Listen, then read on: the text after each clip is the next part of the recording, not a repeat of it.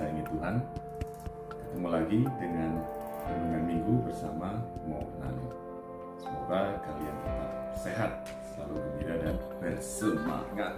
Teman-teman yang dikasihi Tuhan Pada hari Minggu Prapaskah yang ketiga ini Diceritain dalam Injil kalau Yesus marah di bait Allah. Wah, jarang nih ya Yesus marah. Kalau Yesus sampai marah pasti ada sesuatu yang khusus apa yang bikin Yesus marah? Dengerin terus ya. Teman-teman yang disayangi Tuhan dalam bacaan pertama dari kitab keluaran kita dengar Tuhan berfirman jangan ada padamu Allah lain di hadapanku.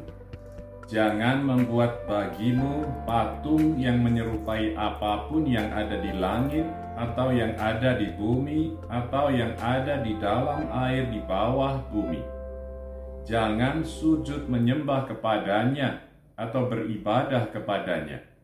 Sebab aku, Tuhan Allahmu, adalah Allah yang cemburu. Firman itu ditambah satu lagi, ingatlah dan kuduskanlah hari sabat.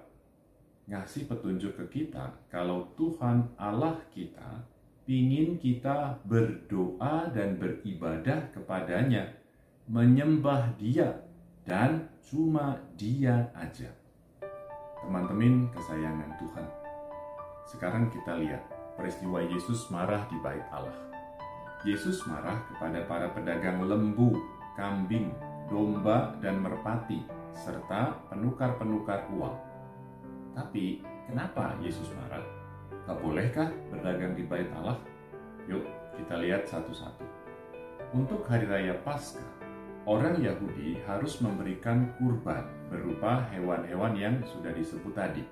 Sebagai kurban persembahan, tentulah hewannya harus yang cakap, yang berkualitas. Gampang diduga, pasti ada praktik gak benar terkait hal itu.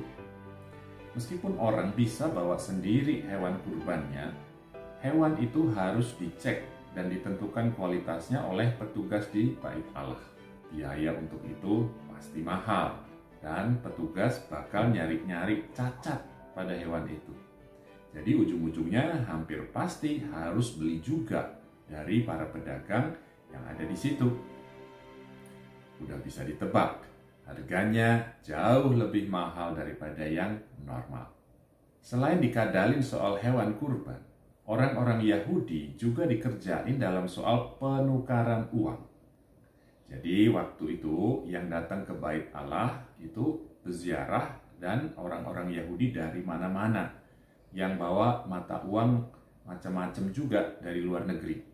Untuk keperluan yang umum, mata uang asing itu oke, okay, boleh bisa diterima ya. Tetapi untuk urusan bait Allah kayak kurban dan pajak bait Allah yang boleh dipakai cuma mata uang sikap Itulah gunanya para penukar uang. Tapi mudah bisa ditebak juga ya, praktiknya ngawur. Rate atau tarif penukarannya mahal sekali. Pajak yang mesti dibayar pun tinggi. Lebih tinggi daripada upah sehari bekerja orang Yahudi pada umumnya. Sahabat terkasih dalam Kristus, udah bisa ditebak kan kenapa Yesus marah? Tapi itu belum semua. Ada satu lagi. Bait itu terdiri atas beberapa bagian atau lapisan. Bagian yang paling luar itu adalah halaman atau pelataran untuk bangsa asing, untuk orang asing. Bahasa Inggrisnya Gentiles. Nah, di situlah para pedagang dan penukar uang tadi mangkal. Bisa dibayangin kan gimana situasinya dengan segala macam binatang yang pasti nggak sedikit jumlahnya. Belum lagi suara para penukar uang, para pedagang itu juga yang pasti nggak diem aja. Pasti nawarin uh, dagangannya. Belum lagi kalau ada yang ngotot-ngototan soal tawar-menawar harga gitu kan. Siapa yang bisa sembahyang dengan suasana kayak gitu? Teman-teman kekasih Allah. Yesus ngerti banget kalau Bapaknya ingin agar umatnya beribadat kepadanya, menyembah hanya dia saja. Nah, yang terjadi di bait Allah beda banget sama kehendak Bapa itu. Pengelola bait Allah, para pedagang dan penukar uang justru menyembah Allah lain, yaitu uang alias mamon. Mereka pakai bait Allah untuk cari duit, bukan untuk menyembah Allah. Belum lagi mereka menghalangi orang-orang yang benar-benar ingin berdoa dan menyembah Allah dengan bikin suasana ramai dan kacau. Ya, bisa dimengerti kalau Yesus marah sama mereka. Teman-teman, kawanan yang dicintai Tuhan. Kayaknya kalian udah bisa nangkep ya. Salah satu hal yang perlu kita perhatikan dalam masa prapaskah ini adalah kualitas peribadatan kita.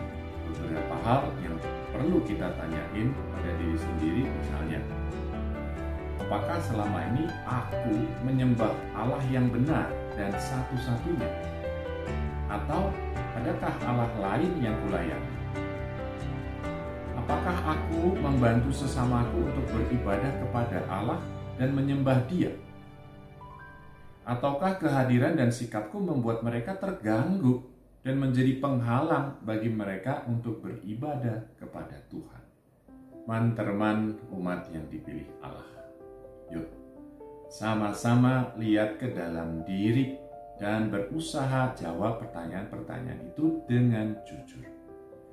Kalau ada yang perlu diperbaiki, mari sama-sama mohon rahmat Tuhan supaya kita bisa jadi lebih baik.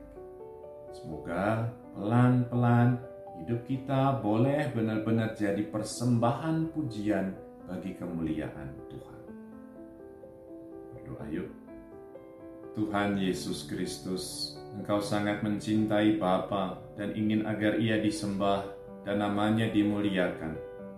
Bantulah kami, sahabat-sahabatmu yang lemah ini, dengan rahmatmu, supaya kami pun dapat menyembah dia dengan penuh cinta, beribadah kepadanya dengan penuh iman. Engkaulah guru dan teladan kami, kini dan sepanjang masa. Amin. Tuhan